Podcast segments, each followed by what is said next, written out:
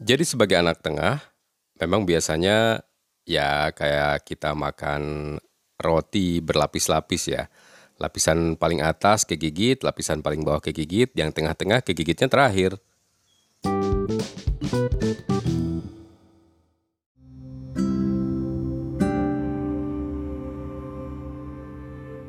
Jadi ini tuh cerita mengenai film baru eh yang sekarang lagi tayang di bioskop judulnya adalah Nanti Kita Cerita Tentang Hari Ini. Filmnya keren dan kalau lihat dari uh, review para penonton film ini 95% orang menyukai film ini. Nah, kenapa di intro saya bilang ya nasib anak tengah tuh kayak gitu. Nah, itulah karena kalau saya bilang sih semua pemain dalam film ini tuh jadi pemain utama, nggak ada yang pemain figuran. Semuanya punya cerita dan semuanya diceritakan.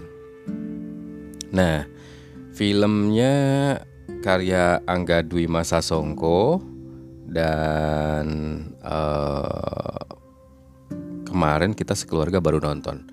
Walaupun sayang sih di scene menjelang akhir itu ada adegan ciuman di pas nonton konser. Kayaknya karena kemarin kita nontonnya sekeluarga jadi wah aduh waduh gitu. ya jadi kayak misalnya seorang ayah di dalam cerita itu kan dia tuh pengen banget membuat ketiga anaknya tuh bahagia. Saking ingin membuat anak-anak anak-anaknya bahagia itu sampai dia lupa bahwa mereka tuh punya dunianya masing-masing.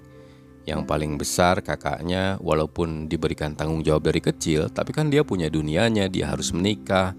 Bahkan calon istrinya juga sempat agak apa ya eh, komplain lah gitu ya, karena nggak pernah dinomorsatukan.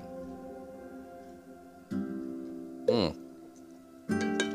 Yang menarik itu nomor dua namanya Aurora. Aurora itu kayak dia tidak diperhatikan dari kecil. Jadi seolah-olah dia tuh ya namanya anak di tengah ya.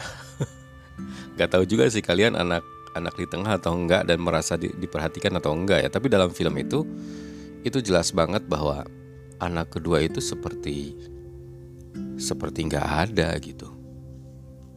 Nah beda dengan anak yang terakhir uh, si Awan itu yang dianggap sebagai bungsu padahal ternyata ternyata lihat aja di filmnya. Jadi dia tuh sepanjang hidupnya nggak pernah menentukan arah hidupnya sendiri, semuanya diatur oleh orang tuanya. Apakah orang tuanya salah? Kalau menurut gue sih nggak salah karena kan saya juga apa ayah dari dua orang anak gitu. Kadang-kadang ada satu masa di mana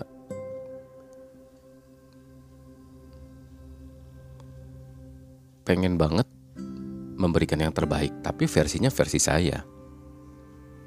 Dan ternyata itu kalau menurut anak-anak mungkin salah. Sementara si ibunya itu lebih memilih menggadaikan kebahagiaannya dengan merasa bahagia memiliki suami uh, ayah dari anak-anaknya.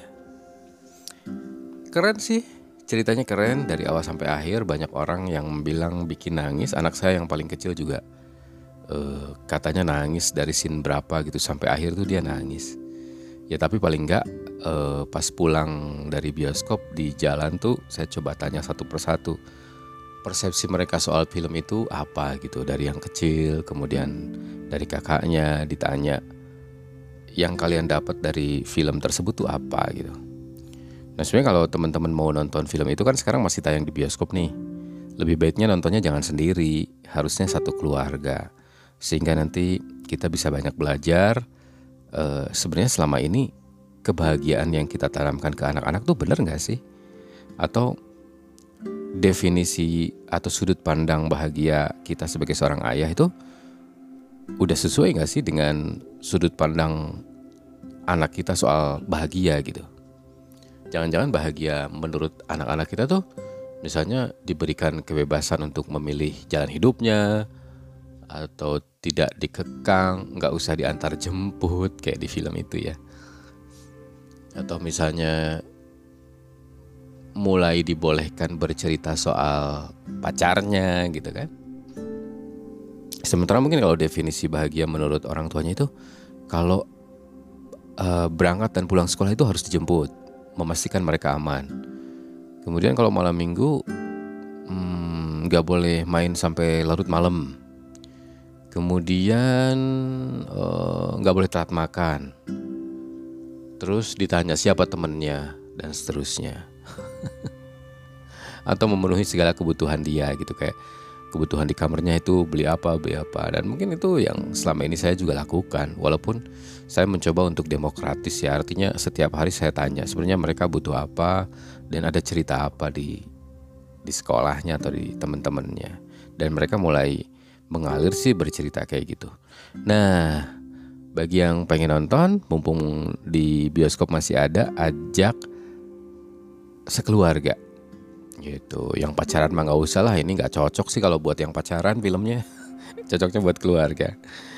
Oke selamat menonton ya. Oke saya juga mau ngingetin nih kita punya channel podcast berbentuk video jadi ada dua ada satu channel YouTube saya silahkan di subscribe Agnia TV di situ eh, podcast saya banyak membahas juga cerita-cerita netizen dan ikuti uh, fanpage Facebook saya Rizal M Subhan Agnia. Makasih udah dengerin ya. Oke, selamat pagi dan selamat berprestasi.